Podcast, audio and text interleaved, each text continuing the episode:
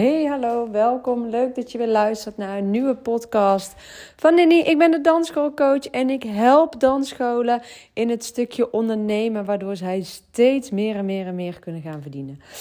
Vandaag wil ik het hebben over de stijgende gasprijzen, de stijgende energieprijzen, de benzine die steeds maar duurder wordt. Um, wellicht hoor je me een beetje kraken. Ik ben gewoon lekker aan het rondwandelen door mijn woonkamer. Een beetje aan het ijsberen, zodat mijn verhaal zo goed mogelijk overkomt. Maar iets waar we in ieder geval allemaal tegenaan lopen, is natuurlijk die energieprijzen die echt, echt enorm aan het stijgen zijn op het moment. Daar lopen we allemaal tegenaan. Je huur is waarschijnlijk verhoogd van je dansschool. En als dat nog niet zo is, dan komt hij er absoluut nog aan.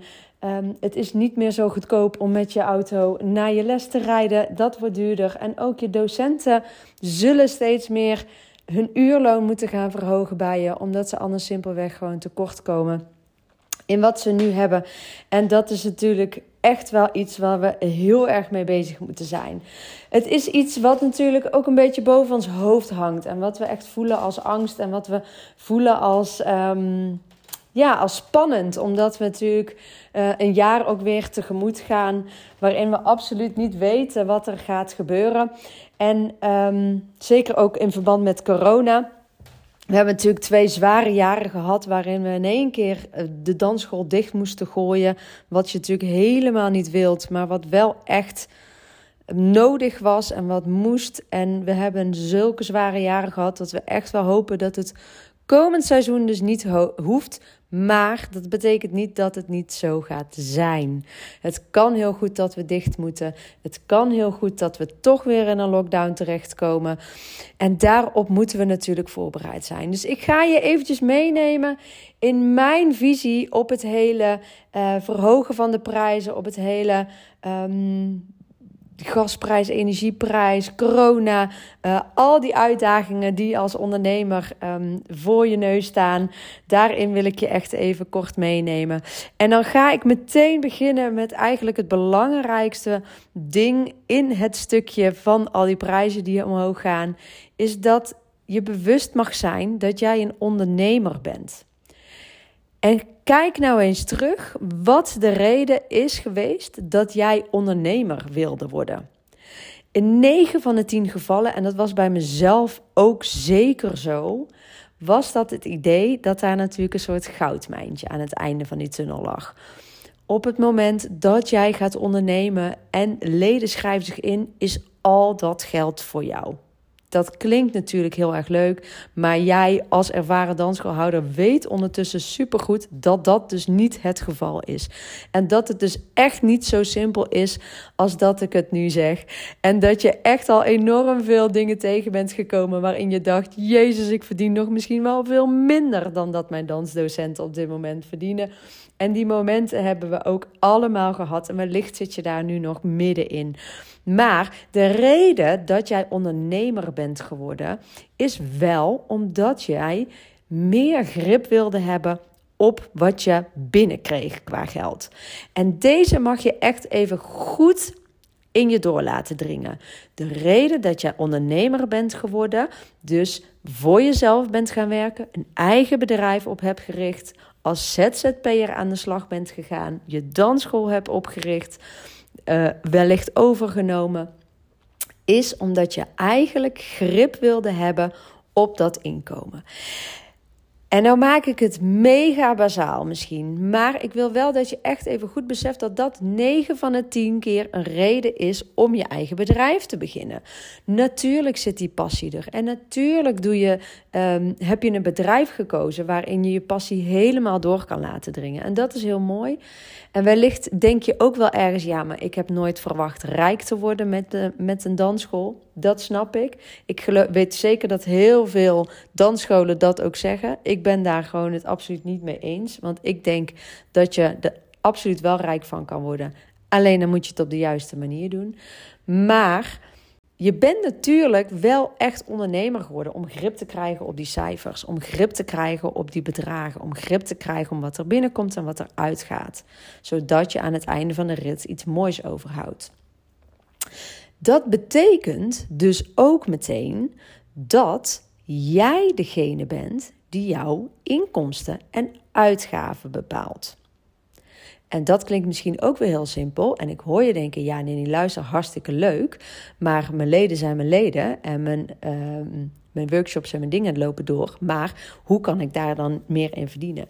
En dit is denk ik wel hetgeen wat er komend seizoen, komend jaar echt gaat gebeuren in ondernemersland. Want op dit moment gaan we een schifting maken in de wildgroei aan ondernemers. En dat merken we ook in dansland. Hè. Er is een wildgroei aan dansscholen. Uh, iedereen begint zijn eigen dansschool. Elke dansdocent denkt dat hij dat ook kan doen zoals jij dat doet. En dat voelt misschien soms verkeerd. Maar ik denk wel dat dit het moment is dat we hierin echt een verschil gaan maken. Um, we gaan nu echt kijken naar wie het kan overleven. En wie er sterk genoeg is om zijn product, wat hij heeft, zo sterk en zo goed neer te zetten. Dat die wel kan blijven staan. En die kleintjes die zullen echt wegvallen komend seizoen. Uh, het is echt een vorm van wie de sterkste is. De food chain, de, de haai die bovenaan staat aan die, aan die uh, voedselketen. Dit gaan we echt ook meemaken in danswereld. En, en naar mijn idee is dat helemaal niet verkeerd om af en toe even zo'n schifting te maken. En om even te kijken naar hoe je daar nou echt goed uit kan komen. Maar dat betekent dus wel dat er een aantal dingen heel belangrijk zijn om te gaan doen in je dansschool. En dat is vooral ervoor zorgen dat het product wat je verkoopt, ofwel die danslessen, ofwel dat danskamp, ofwel die voorstelling, of welk product je ook neerzet, dat het meer een must-have artikel mag zijn in plaats van een nice-to-have artikel. Een nice-to-have artikel is iets wat we gewoon heel erg fijn vinden om te hebben. Het, het, levert je niet enorm, uh, uh, het lost niet enorm je problemen op. Maar het zorgt er wel voor dat mijn leven gewoon een stukje aangenamer wordt. Super nice to have. En in de afgelopen tien jaar, zeven, tot tien jaar, waarin we natuurlijk enorme uh, stijging hebben gezien in ons salaris, in ons uitgavenpatroon, in alle kosten die steeds meer omlaag gingen. Um, hebben we enorm veel ruimte gehad voor die nice to have artikelen. Maar met de dreigende, dreigende daling in ons koopkracht merk je wel dat de nice to have dan als eerste afvalt. En dat betekent dat de must-haves veel belangrijker worden. Een must-have artikel lost namelijk echt je problemen op.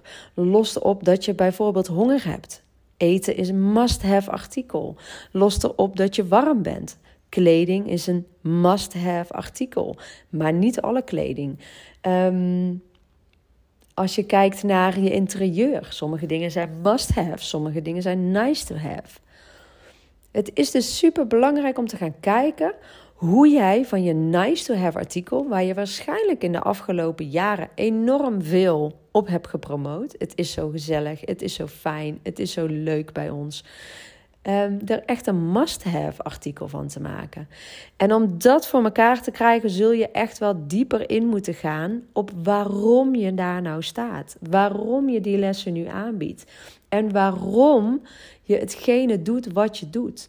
Want alleen op het moment dat je dat weet en doorkrijgt waarom je echt die producten die je hebt, die artikelen die je hebt, die lessen die je hebt, die, die passie die je hebt, omdat bij je klanten enorm, bij je leden enorm te gaan promoten op een manier waarop het een must-have artikel wordt. Het is dus gezond voor je. Ehm, je hebt die sociale contacten nodig. Alleen dan zul je merken dat jij degene bent waar mensen nog steeds naartoe gaan. En waarbij mensen nog steeds wel die lessen komen afnemen.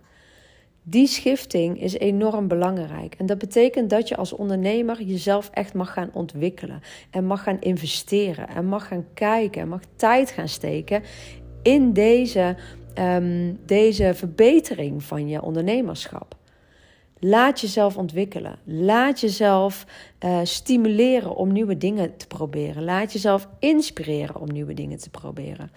Ik merk bijvoorbeeld bij de klanten die afgelopen jaar bij mij um, uh, een traject hebben gedaan, dat die zoveel zekerder in hun schoenen staan dat ze met zoveel minder angst nu deze periode ingaan. En dat is echt heel fijn om te zien. En ik denk dat dat echt het kaft van het koren gaat scheiden komend seizoen. Dus werk aan jezelf. Zorg dat je jezelf um, aanleert om je product ook daadwerkelijk te verkopen. Daarnaast is het natuurlijk ook nog echt even heel belangrijk dat je ehm, goed let op wat erin gaat en goed let op wat eruit gaat. Nogmaals, wat ik net al zei, jij bent degene die daar controle over hebt. Wij als ondernemers hebben de meeste controle over ons salaris. En dat voelt misschien niet soms zo, maar we hebben het wel. Want wij kunnen ervoor zorgen dat we vandaag misschien 100 euro verdienen, maar morgen misschien wel 1000 euro verdienen.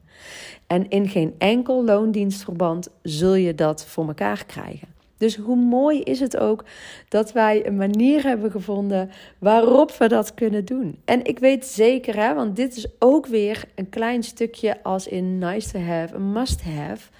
Ehm, op het moment dat ik nu zou, tegen jou zou zeggen: als jij morgen niet 1000 euro verdient, dan gaat uh, jouw kat bijvoorbeeld dood, of je hond, of, of uh, een geliefde van je. Um, want die heeft ziekenhuiskosten en die moeten betaald worden morgen. En anders kan die dokter niet opereren en gaat de hele boel niet door. Wat nou als ik dat tegen jou zeg? Dan heb jij morgen toch gewoon 1000 euro verdiend. Dus het gaat er niet om dat jij Ehm, die, dat die energieprijzen omhoog gaan, dat die gasrekeningen omhoog gaan, dat die benzinekosten omhoog gaan, dat die docenten meer gaan vragen. Nee, het gaat erom dat jij daarin de controle hebt. En dus niet je kosten moet drukken, maar meer moet gaan verdienen. En daarop moet gaan investeren. En daarop moet gaan inspelen.